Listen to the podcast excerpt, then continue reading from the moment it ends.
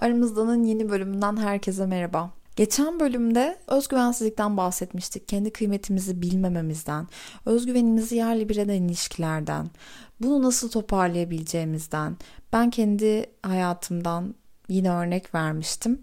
Siz de bununla alakalı yorumlar yapmıştınız. Siz buna yorum yaparken ben bu olayın tam olarak ne zaman toparlanmaya başladığını düşünüyordum ve buldum. 2016. 2016 benim için gerçekten dibe vuruş senesiydi sanırım. 2016 çok çok çok kötü bir seneydi.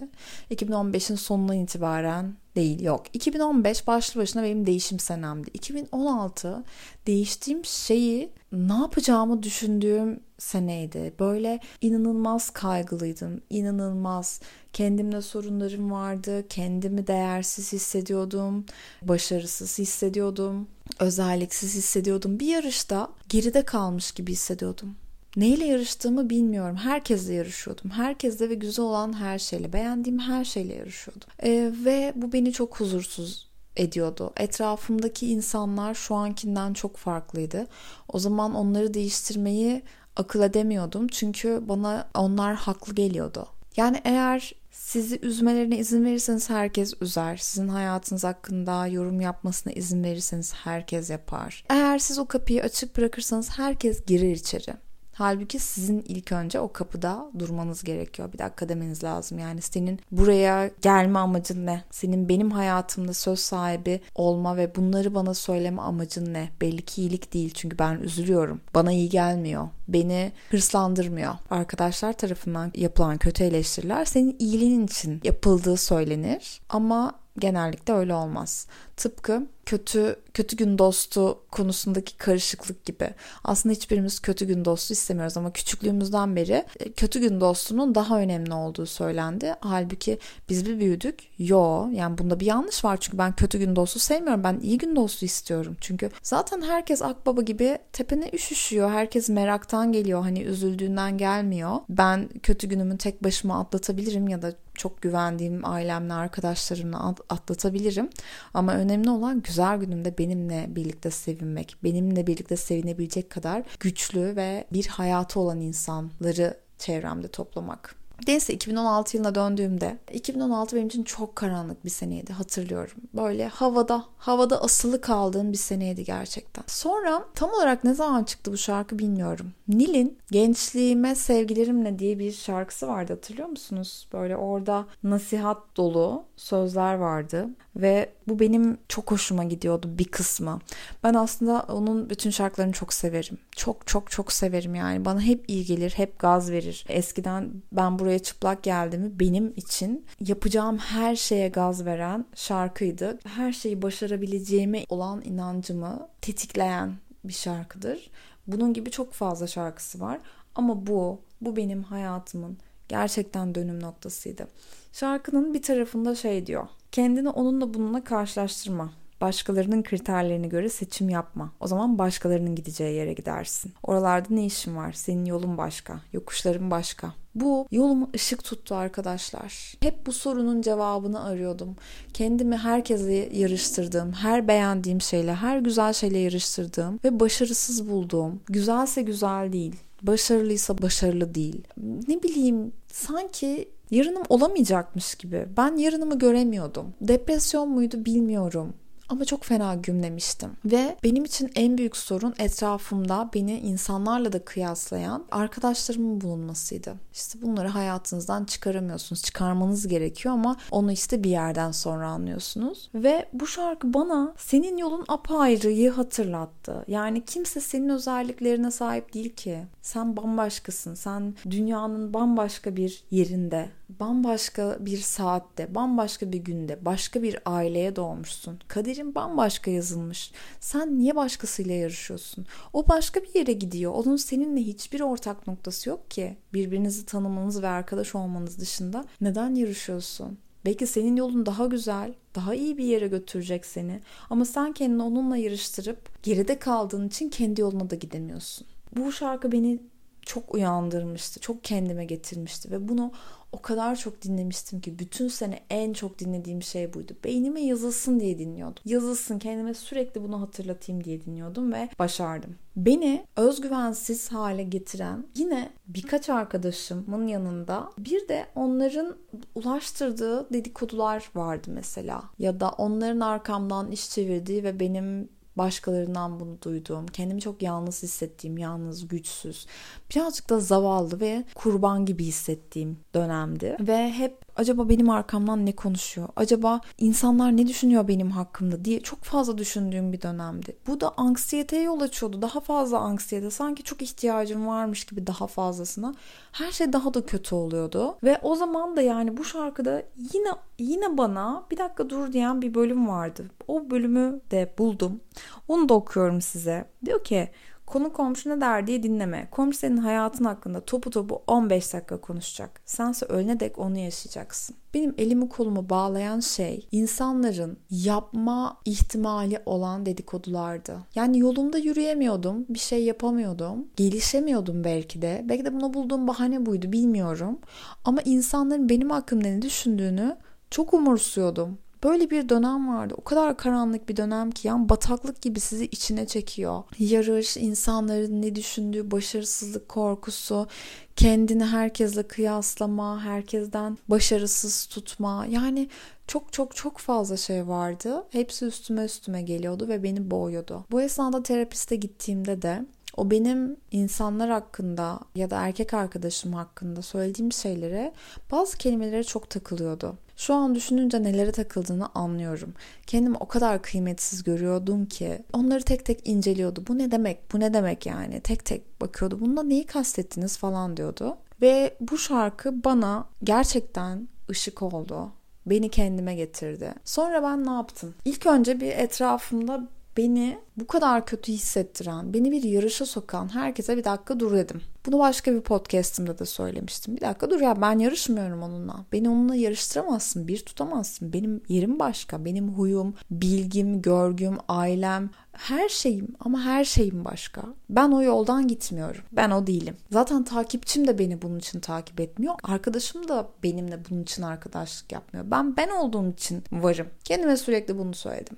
Söyledim söyledim. Sonra etrafın olmayan sesine kulağımı tıkadım. Çünkü benim korktuğum olan dedikodular değil, olası dedikodulardı. Neyin dedikodusu yapılacak ya? Ne yapılacak? Kim ki? Kim yapacak? Yani tanımadığım, etmediğim, belki de hayatımda hiç görmediğim insanlar dedikodu yapacak diye niye bir sonraki adımı atmayayım hayatımda?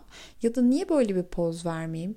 Niye bu fotoğrafı post etmeyeyim? Niye bu fotoğrafın altına bu yazıyı yazmayayım? Neden? Neden? Çünkü ben buyum yani benim istediğim şey bu. Sonra gerçekten insanların hayatında eğer hayatsız bir insan değilse insanların hayatında pek bir yerinin olmadığını anladım. Çünkü gerçekten herkesin kendi derdi var. Herkesin kendi hayatı var. Konuşulması gereken çok fazla şeyi var. Tartışılması gereken, başını ağrıtan, gece uykusunu kaçıran o kadar çok sorunu var ki sen kimsenin umurunda değilsin. Kimin umurundasın biliyor musun? Hiçbir işi gücü olmayan, hayatı olmayan, evden dışarı çıkmayan birinin umrundasın. E, bunun umrunda olmak senin için neden önemli olsun ki? Nobody. Yok öyle biri yok yani. Hani hiç kimse, hiç kimse olan birinin umrunda olmak neden seni üzsün? Daha başka bir şey var. Yani arkadaşın bile sen konuşurken dinlemeyecek kadar kafası meşgulken sen nasıl insanların e, hayatında bir yerinin olduğunu düşünürsün zaten. Bu çok garip bir kafa. Şu an düşününce anlıyorum ama o zaman öyle değildi. Sanki herkesin hayatının odağında ben vardım ve benim yapacağım herhangi bir yanlış harekette kahkahalarla güleceklerdi ve çok alay edeceklerdi benimle. O yüzden yanlış bir hareket yapmamak için hiçbir hareket yapmıyordum. Hiçbir katkı sağlamıyordum kendi hayatıma. Hatta size insanların, normal insanların hayatında nasıl bir yerinizin olacağına dair şöyle bir şey anlatayım. Bir gün eski erkek arkadaşım bana bir şey söylemişti ama çok eski bir erkek arkadaşım. O anki ilişkisiyle alakalı bir sorunu anlatmıştı. Bunu da hiç kimse bilmiyor. Hani sana anlattım dedi. Ben de böyle alakasız bir yerden dahil olduğum için anlattı zaten. Okey dedim kapattım. Yani o konu orada kapandı ve bir daha görüşmedik. Bir ay sonra bana bu eski erkek arkadaşımdan bir mesaj geldi. Ama mesajı anlayamıyorum ve panik oldum. Ne demeye çalıştığını anlamadığım için kafamda Benim korkum olan şeyleri kurgulamaya başladım. Ne oluyor diyorum. Benim hakkımda bir şey mi oldu? İşte ne, neden bahsediyorsun? Telefon çekmiyor. Hızlı söylesene falan diyorum.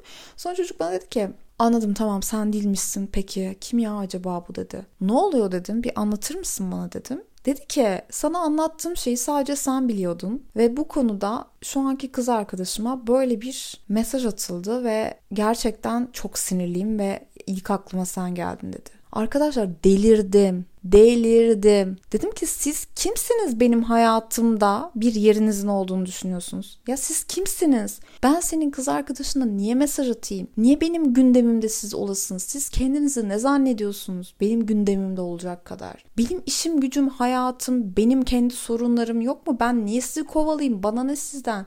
O kadar sinirlendim ki gerçekten kendime gelemedim. Çünkü bir sorun var ve o sorun benimle ilgili ama birebir benimle ilgili bir şeyden bahsediyor zannediyorum. Benden şüphelendiği bir şey ya da onun hayatında olan bir şey gibi düşünmüyorum. Yani düşünün artık o kadar alakasızım olayla. Ve gerçekten bunu sordum. Sen benim hayatımda bir öneminin olduğunu nasıl düşündün?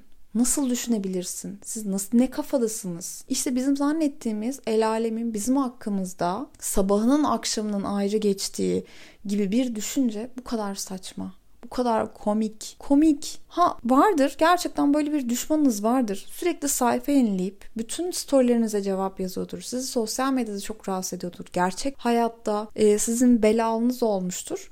Bu bir psikolojik rahatsızlıktır arkadaşlar. Bu, bu hayatın geneline yayılması gereken bir gerçek değildir. Bu kişinin sizinle alakalı bir takıntısı vardır. Bunu şikayet edebilirsiniz ya da bu düşmanlığı kabul edebilirsiniz. Bu kadar. Ama genel olarak yaşayan normal insanlar, iş gücü olan insanlar hiçbir zaman birbirlerinin hayatını konu etmezler zaten.